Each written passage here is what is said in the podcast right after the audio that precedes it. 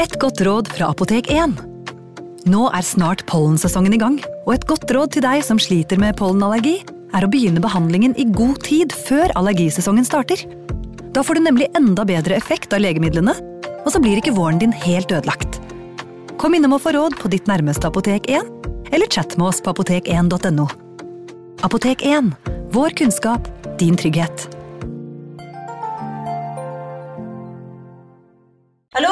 Jeg kommer fra Oslo politikammer. Ine Jansen er purk. Er du purk? The motherfucking bitch. Alt jeg vil, er å finne ut hva som skjedde med mannen min. Jon Carew. Er jeg sikta for noe? Iben Akeli. Det er du. Ole So, Lars Berrum og Big Daddy Karsten. Hvem sin side er du på, egentlig? Anette Hoff, Tone Danielsen, Kommer du fra Afrika?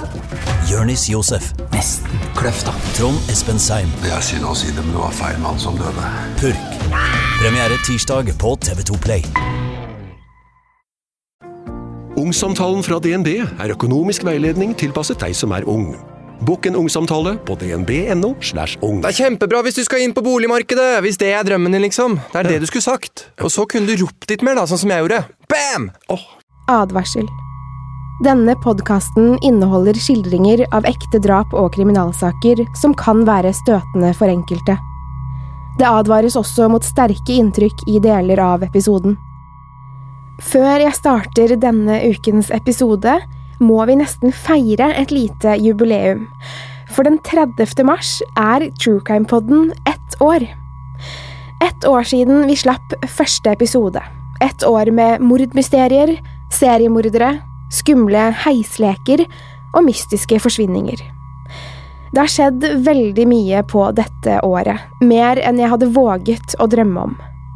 Vi har hatt liveshow i Fredrikstad og Oslo, og det var så hyggelig å møte dere lyttere på begge steder, lyttere med genuin interesse for true crime, med spennende spørsmål og stort engasjement.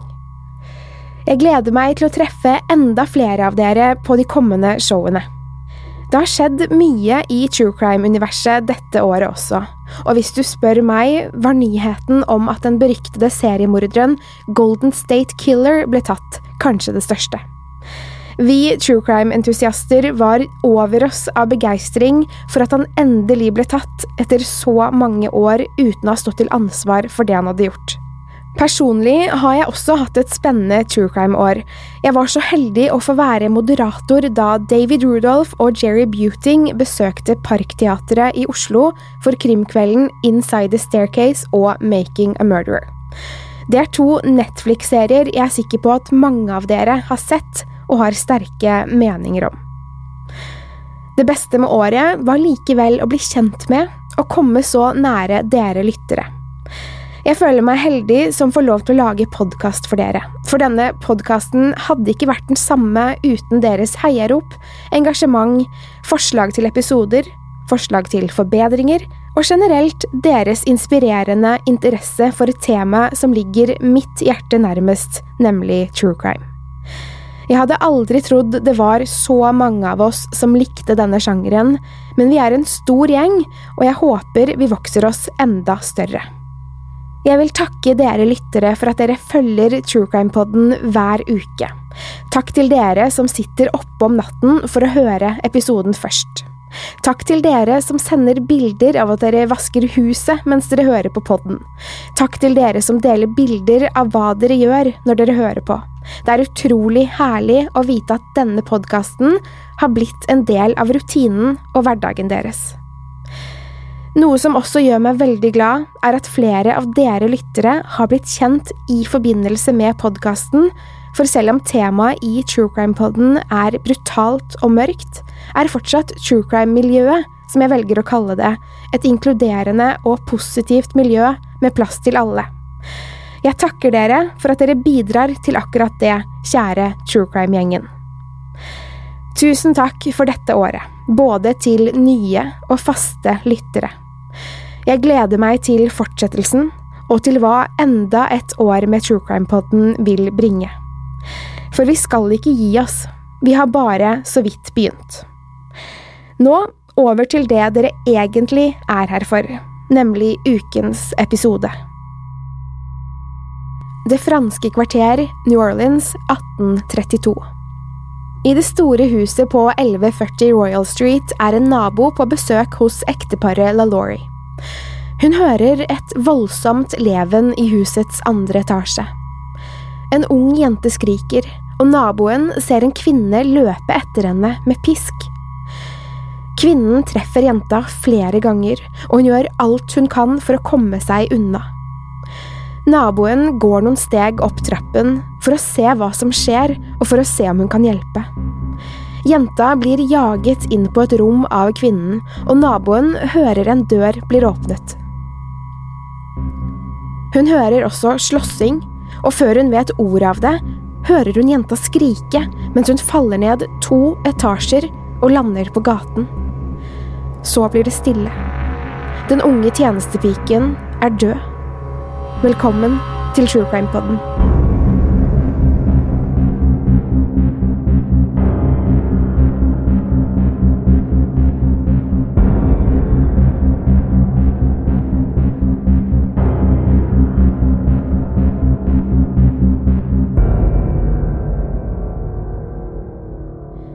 Vi har vært i New Orleans før, da den beryktede øksemorderen herjet gatene i lang tid.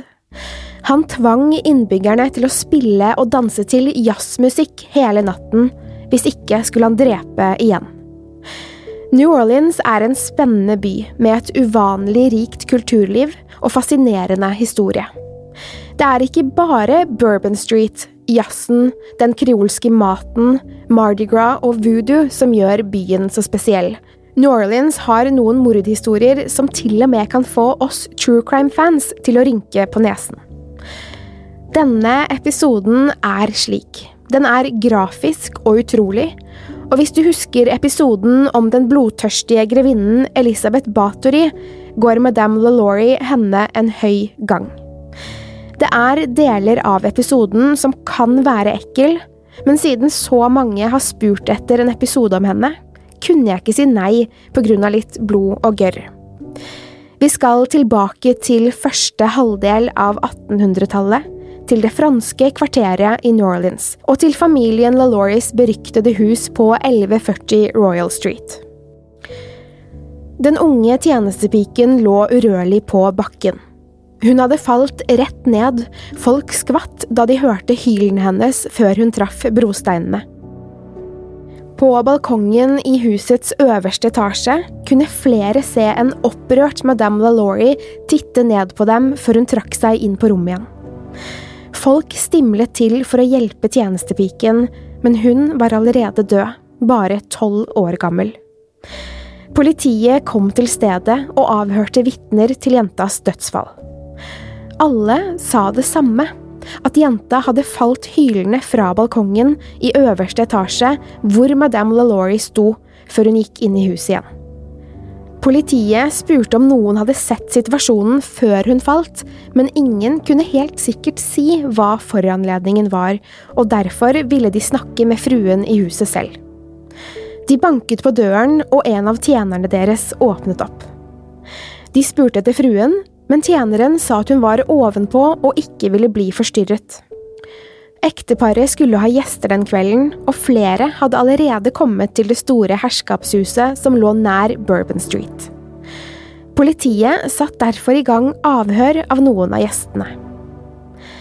Ingen hadde sett noe, men flere hadde hørt krangling i en av overetasjene. En kvinne sto frem og fortalte hva hun hadde sett.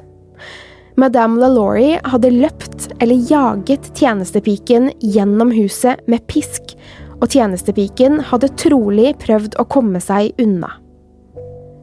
Nabokvinnen hadde ikke sett om jenta hadde hoppet, falt eller enda verre, blitt dyttet ut fra balkongen.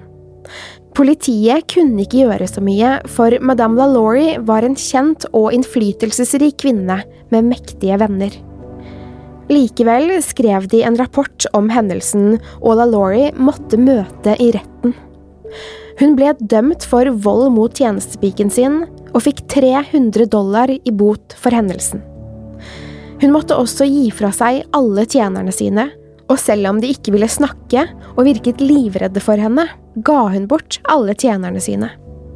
De virket glade for å få slippe å jobbe for henne, uten at noen egentlig visste hvorfor. Familien LaLaurie var for kjendiser å regne. De var rike, vellykkede mennesker med mange venner. De holdt ekstravagante fester, og alle likte ekteparet veldig godt. Det begynte å gå rykter etter hendelsen med tjenestepiken. For selv om madame LaLaurie måtte gi fra seg alle slavene sine, dette var nemlig på den tiden da rike mennesker hadde slaver hjemme, fikk madammen en slektning til å kjøpe alle sammen tilbake, for å så selge dem tilbake til henne. Slavene gråt og bar seg da de forsto at de skulle tilbake til 1140 Royal Street, og det skulle ta noen år før alle fikk vite hvorfor. Madame LaLaurie, eller Marie Delphine McCarthy, som hun først het da hun ble født den 19. mars 1787 i New Orleans, hadde fire søsken. Hun kom fra en rik familie med irske aner. Familien McCarthy hadde bodd i New Orleans i to generasjoner, og kom til byen da den var en fransk koloni. Delfins mor var også en prominent kvinne, og foreldrene var kjente skikkelser i det europeisk-kreolske miljøet. Delfins onkel var guvernør i en periode. Fetteren hennes var borgermester i New Orleans, så familien frekventerte i de fine kretsene. Bare 13 år gammel gifter Delfin seg med en offiser, Don Ramón, og reiser mye med han, annet til Spania og Frankrike. Delfin og Don får en datter sammen. Ekteskapet varte dog ikke lenge, for etter fire år dør Don Ramón. Åtte år etter det første ekteskapet gifter hun seg med en annen mann, en kjent advokat og bankmann ved navn Jean Blanc. Han kjøper et stort hus som de kaller Villa Blanc, og lever lykkelig her i noen år. De får fire barn sammen, tre døtre og en sønn. Dessverre dør Jeanne Blanc i 1816 etter å ha vært gift i åtte år med Delphine. Delphine er nå enke med fem barn, men er fortsatt en attraktiv kvinne. Hun har formue, et stort hus og er veldig vakker. Delphine sies å ha vært så vakker at friere kom på døren bare noen dager etter Jeanne Blancs død, men Delphine avslo dem. Hun ville fokusere på barna sine først og fremst, og bruke tid på å komme over tapet av enda en ektemann. Hun sørger noen år, men treffer etter hvert en ny mann. Delphine treffer en mann som er yngre enn henne. En kjekk og sjarmerende kirurg som overøser henne med oppmerksomhet og gaver. Han heter Leonard Louis Nicholas LaLaurie, og den 25. juni 1825 gifter de seg. De kjøper tomten på 1140 Royal Street og bygger et enormt herskapshus komplett med eget anneks til slavene, store spisesaler og ballsal slik at de kan holde fester for venner og kjente. Huset får kallenavnet De La Laurie Mansion. Ekteskapet går bra, og de blir straks et av New Orleans mest ettertraktede par. De er kjendiser som deltar på viktige fester, går i teater og holder banketter hjemme i det store huset. Alle ville kjenne dem, men bak den vellykkede fasaden foregår det grusomme ting. To år etter hendelsen med tjenestepiken Lia, som døde etter å ha falt fra balkongen, begynner det å brenne i LaLaurie-huset. Det brenner kraftig, og selv om brannmenn kommer til huset raskt, er den ene siden allerede overtent. Familien LaLaurie kommer seg ut av huset uskadd, men brannmennene vet at familien har mange tjenere der inne, og de må reddes ut. Flere løper inn, og på kjøkkenet finner de kokken stående ved komfyren. Hun er lenket fast til komfyren, og kommer seg ikke løs. En av brannmennene kutter lenken hennes med øks, og kvinnen er fri. Hun er redd, skadet og hysterisk. Kokken, en kvinne i 70-årene, roper til brannmennene at de må redde alle de som er i den øverste etasjen, i det låste rommet. De løper opp alle trappene, og innerst i huset finner de en låst dør. Døren er boltet igjen, men brannmennene slår den opp. De har enda tid til å redde menneskene som er der inne, for brannen har ikke nådd toppetasjen enda. Stanken slår mot dem når døren går opp. En varm, råtten lukt. Det er mange mennesker der inne. Mennesker i dårlig stand, mildt sagt. Flere kvinner er lenket til veggen. De er nakne, med store sår og flenger over hele kroppen. En kvinne har et stort sår i pannen. Såret er så råttent at det er larver i det. En mann sitter lenket til et skap. Han har et stort hull i hodet, med en trepinne stikkende ut. Hullet i hodet hans er boret inn i skallen, helt til hjernen, og pinnen sitter fast i hjernen hans. En person, trolig enda en kvinne, har påsydde armer og ben på kroppen, og hun ligger på gulvet som en slags edderkopp med bena ut til siden. Flere mennesker er dyttet inn i bitte små bur, og det ligger flere råtne lik på gulvet. En mann ligger på gulvet, sterkt forbrent, det ser ut som han har vært tent på. En tenåringsjente har fått dyreavføring stappet i munnen og halsen før leppene hennes er sydd igjen. En annen har øyelokkene sydd sammen, og en mann er lenket til et operasjonsbord med store deler av huden fjernet. En dame, lenket fast med armene over hodet, hadde buken åpen, og tarmene hennes var dratt rundt livet hennes som et korsett. Menneskene inne i rommet var så skadet og så redde at brannmennene og et par politimenn som hadde kommet til, ikke visste hvordan de skulle få dem ut i live. De var skrekkslagne, de hylte og gråt og ba for livene sine, og forsto ikke med en gang at de skulle bli reddet. En av politimennene løper ned alle trappene igjen og roper til kollegene at Delfin og mannen må arresteres, før han løper tilbake opp trappene igjen for å redde flest mulig av de stakkars ofrene der oppe. En etter en får de menneskene ut, og noen av dem dør før de når friheten. Alle blir sendt til sykehus, og leger og sykepleiere jobber natten gjennom for å redde dem, hjelpe dem og rense sårene deres. De fleste av dem er i sjokk. Noen av dem sitter i sykesengene sine og vugger frem og tilbake. Andre skriker, gråter, og noen av dem ser bare rett fremfor seg uten å ense hvor de er. Over 20 mennesker ble reddet fra LaLauries torturkammer. Kokken, kvinnen som var lenket fast i komfyren, forteller at det var hun som startet brannen i et forsøk på å ta sitt eget liv.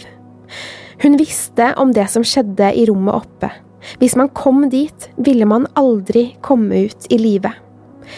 Kokken fortalte om daglig avstraffing. Tjenerne ble pisket, brent, fikk fingre avkappet og straffet på andre måter for den minste ting.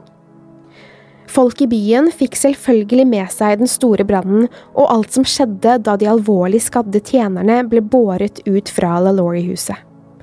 De sto der og observerte i vantro hva som foregikk.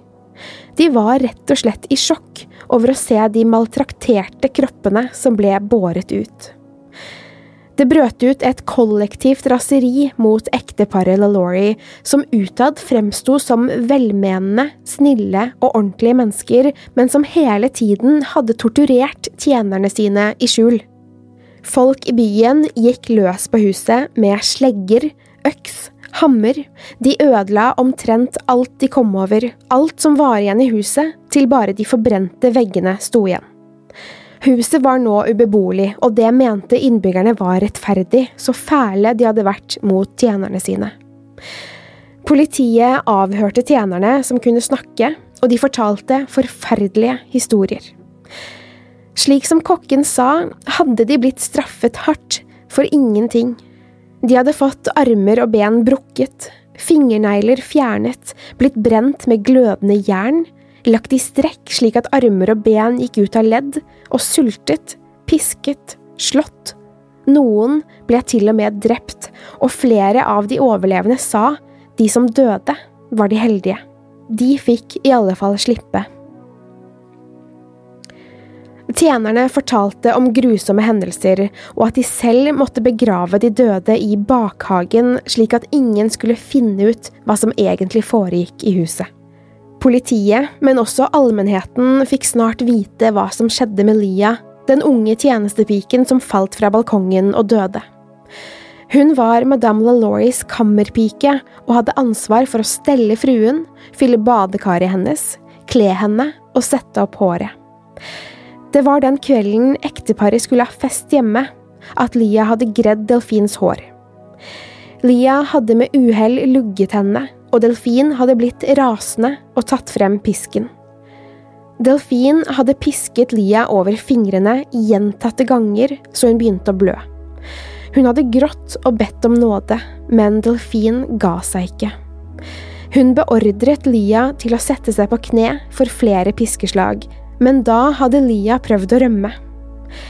Lia gjemte seg på balkongen, men Delfin fant henne og løp mot henne. Om Lia mistet balansen, eller Delfin dyttet henne, er det ingen som vet, for det som skjedde ute på balkongen der ingen andre kunne se dem. For det skjedde ute på balkongen der ingen andre kunne se dem. Lia ble tolv år gammel. I bakhagen fant politiet flere titalls lik og skjeletter av både barn og voksne. Alle hadde store skader, alle var torturert på verst tenkelige måte. Tjenerne fortalte at hvis de hjalp hverandre eller prøvde å stoppe volden, ble de selv straffet, noen drept. De levde i et mareritt, og flere av dem som kom på sykehus, døde kort tid etter å ha blitt reddet. De var i så dårlig stand at legene ikke kunne hjelpe dem. Men hva skjedde med madame LaLaurie og mannen hennes, de ansvarlige for denne grusomme oppdagelsen? Ekteparet forsto straks hva politiet ville oppdage da brannmennene gikk inn i huset. Historiene spriker litt, men noen mener de ble avhørt av politiet og sluppet fri ved hjelp av innflytelsesrike venner, andre mener at de klarte å komme seg unna samme kveld som brannen startet. Man tror de kom seg til Paris og bodde der under falskt navn i mange år. For det vi vet, er at de aldri brukte navnene sine igjen. De tok nye identiteter for å slippe unna straff for handlingene sine. De visste at de ville blitt hengt for det de gjorde. Ingen innflytelsesrike venner kunne ha hjulpet dem unna det. Det er også mange rykter rundt Delfins død, for en historie forteller at Delfin døde i Paris under en jaktulykke. I 1930 ble en gammel, rusten kobberplate funnet på en kirkegård i New Orleans. På den sto det Madame LaLaurie, født Marie Delphine McCarty, døde i Paris den 7. desember 1842 i en alder av seks. Det siste tallet er uleselig. Senere, gjennom kirkebøker i Paris, fant man ut at madame LaLaurie døde den 7. desember 1849, ikke 42, i en alder av 62 år. Hva som skjedde med mannen hennes, er uklart. Ekteparet LaLaurie kom seg unna. De fikk aldri noen straff for sine grusomme handlinger. De er kjent for det de gjorde, og i mange, mange år nektet folk å gå på samme side på gaten der huset sto. De krysset veien slik at de skulle slippe å gå nær huset. I flere år sto huset der brent, ødelagt, som et minne over det som skjedde der. Men i 1888 ble huset kjøpt og renovert. Huset står der i dag, og selv om det er totalrenovert flere ganger, er ytterveggene de samme som de alltid var, de som rommet alle de forferdelige hemmelighetene. Huset har vært skole, bar, danselokale, musikkskole og leid ut til privatpersoner som bodde der. Men ingen klarer å bli værende i huset lenge. Det hviler et mørke over huset på grunn av det som skjedde.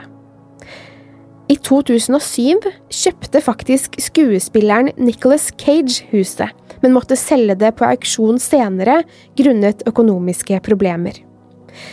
I dag eies huset privat, og ingen får gå inn der, selv om mange har prøvd. Dagens eier vil ikke leie det ut, selge det eller ha noen der inne. Det står tomt, og er fortsatt i dag en av de mest kjente turistattraksjonene i New Orleans.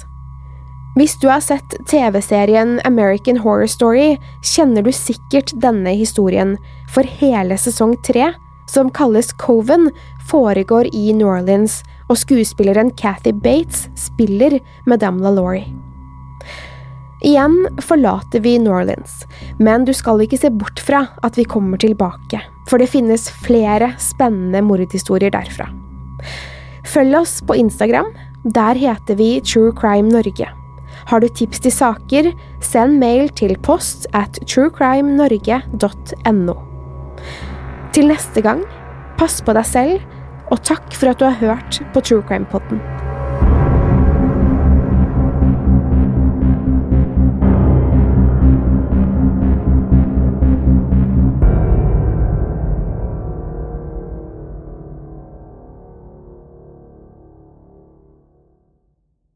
Har du et enkeltpersonforetak eller en liten bedrift? Da er du sikkert lei av å høre meg snakke om hvor enkelt det er med kvitteringer og bilag i fiken, så vi eh, gir oss her, vi. Fordi vi liker enkelt. Fiken superenkelt regnskap. Hei! Takk for at du lytter til True Crime Podden. Skulle du ønske at du kunne høre en ny episode av denne podkasten hver eneste uke? Vel, da er det bare å laste ned podkastappen Untold med en gang. I tillegg til ukentlige episoder av podkaster som Skrekkpodden, Synderne og Henrettelsespodden, får du masse annet reklamefritt og eksklusivt innhold. Last ned Untold i AppStore eller Google Play, og start din 30 dagers prøveperiode i dag.